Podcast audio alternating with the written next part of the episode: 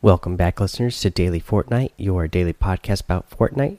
I'm your host, Mikey, aka Mike Daddy, aka Magnificent Mikey, and today I want to go over the week two challenges with you. But, but before we get to that, uh, let's talk about the week one challenges and what you get if you completed them. So, if you completed all the week one challenges, uh, you would have gotten a loading screen. Uh, you would have unlocked a loading screen uh, called Quiet on the Set and uh, there is a little secret in the little loading screen there. Um, that if you get the loading screen uh, it's like a movie set and you will see a little tower in the back in the background um, from the prison uh, at Moisty Mire. And um, is really hard to see, but there was a Reddit user um, named B445 that they actually pointed it out uh, that if you look really closely, there's a battle star above the tower. And so once you've completed all those week one challenges, you get that loading screen plus that little clue.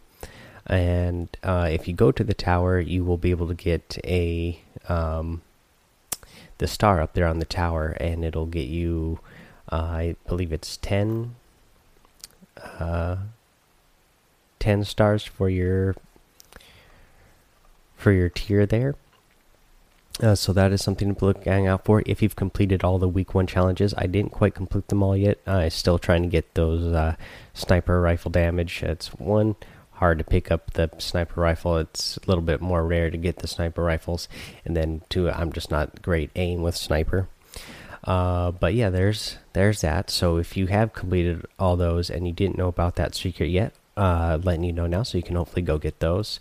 And now let's go over our week two challenges. And uh, so for Fortnite season four week two challenges, um, some of them are going to be real easy and straightforward. Some of them are going to be a little bit harder. Uh, but let's go let's go over them. So first up, we have search uh, seven chests in Greasy Grove. Really easy. Uh, just go to Greasy Grove, and you know, it might take you a couple of games to do this, uh, but you know, just go to Greasy Grove and uh, find the treasure chests there, and uh, eventually open up seven of them. Uh, the next one up on the list is consume seven hop rocks. This one's super easy. Uh, I did this one, completed this one in less than a minute. All you have to do is drop down to Dusty Divot and just start consuming those hop rocks. You don't have to wait for the one that you picked up to wear out. Just start picking them up right away, and you will, again, like I said, you'll have that one done in less than a minute. The only thing that can be hard about it is a lot of people drop down to Dusty Divot right now, so you might get killed right away. But my first time dropping down in Dusty Divot to try to uh, complete this uh, challenge was no problem. Uh, just ran to the nearest hop rock and then the nearest one after that nearest one after that until i got seven and again it was super fast.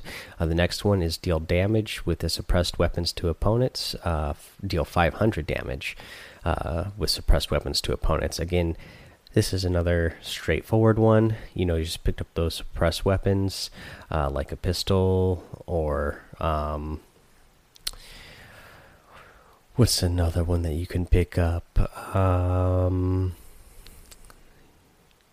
uh, yeah, the silencer pistol, and uh, you know the little uh, automatic silence pistol that you should be able to get damage with pretty quickly.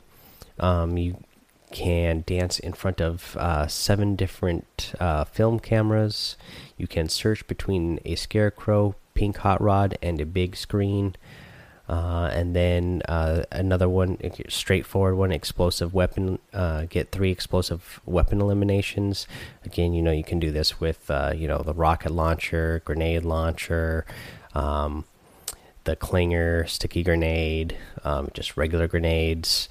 Um, this might be kind of hard just because those are you know not the most common things to pick up, and then you actually have to you know get an elimination with them which is not always easy. So what i would suggest is um, you know try dropping down in heavily populated areas uh, like right now like dusty divot uh, because so many people are there.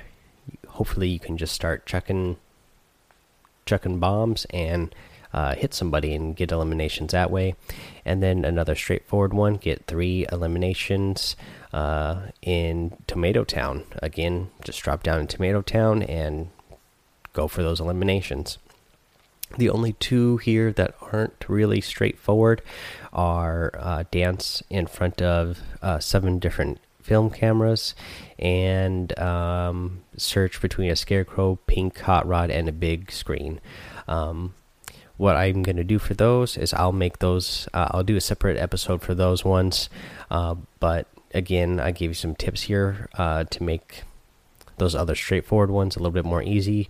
Uh, hopefully, again, we're going to try to get through these uh, weekly challenges as fast as we can. Uh, there's going to be the same thing in week two as we got in week one, where if you complete all of the challenges in week two, you will get a loading screen which should have another clue for you on where to find uh, another battle star. Um, and yeah, that's what I got for you guys today. Uh, I'm going to spread the other two challenges out into separate episodes just uh, to since they're not since those ones aren't as straightforward so i can give you a little bit more detail on exactly how to do those without making a super long episode. Um but yeah the other thing i want to mention here guys is uh the uh i, I gotta thank you guys again. I told you this month i thought maybe a goal would be to try to get 1000 downloads in a single day and you guys continue to exceed my expectations. Uh, so, yesterday we had 1,268 downloads in a single day. Uh, so, you guys, you went well above and beyond what I was trying to get in a single day. Uh, so, that is really exciting. Thank you again, guys. Um,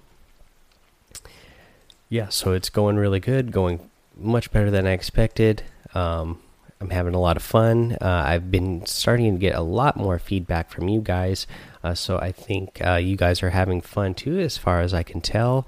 Uh, I'm going to try to be more active again on Twitter. Actually, I have a poll going right now on Twitter about uh, the limited time mashup mode that we got going on Thanos, basically just asking if you like it, yes or no. Uh, so head over to um, my Twitter and vote on that poll and retweet it so we can get as many votes as possible. I believe that's going to be up for another day or so uh, from the time of this posting. And yeah, uh, thank again, thank you again to everybody. I'm super excited about that 1,000 downloads in a single day. Um, again, when I first started this podcast, that's not something I would have ever thought I could be getting. So I'm super excited.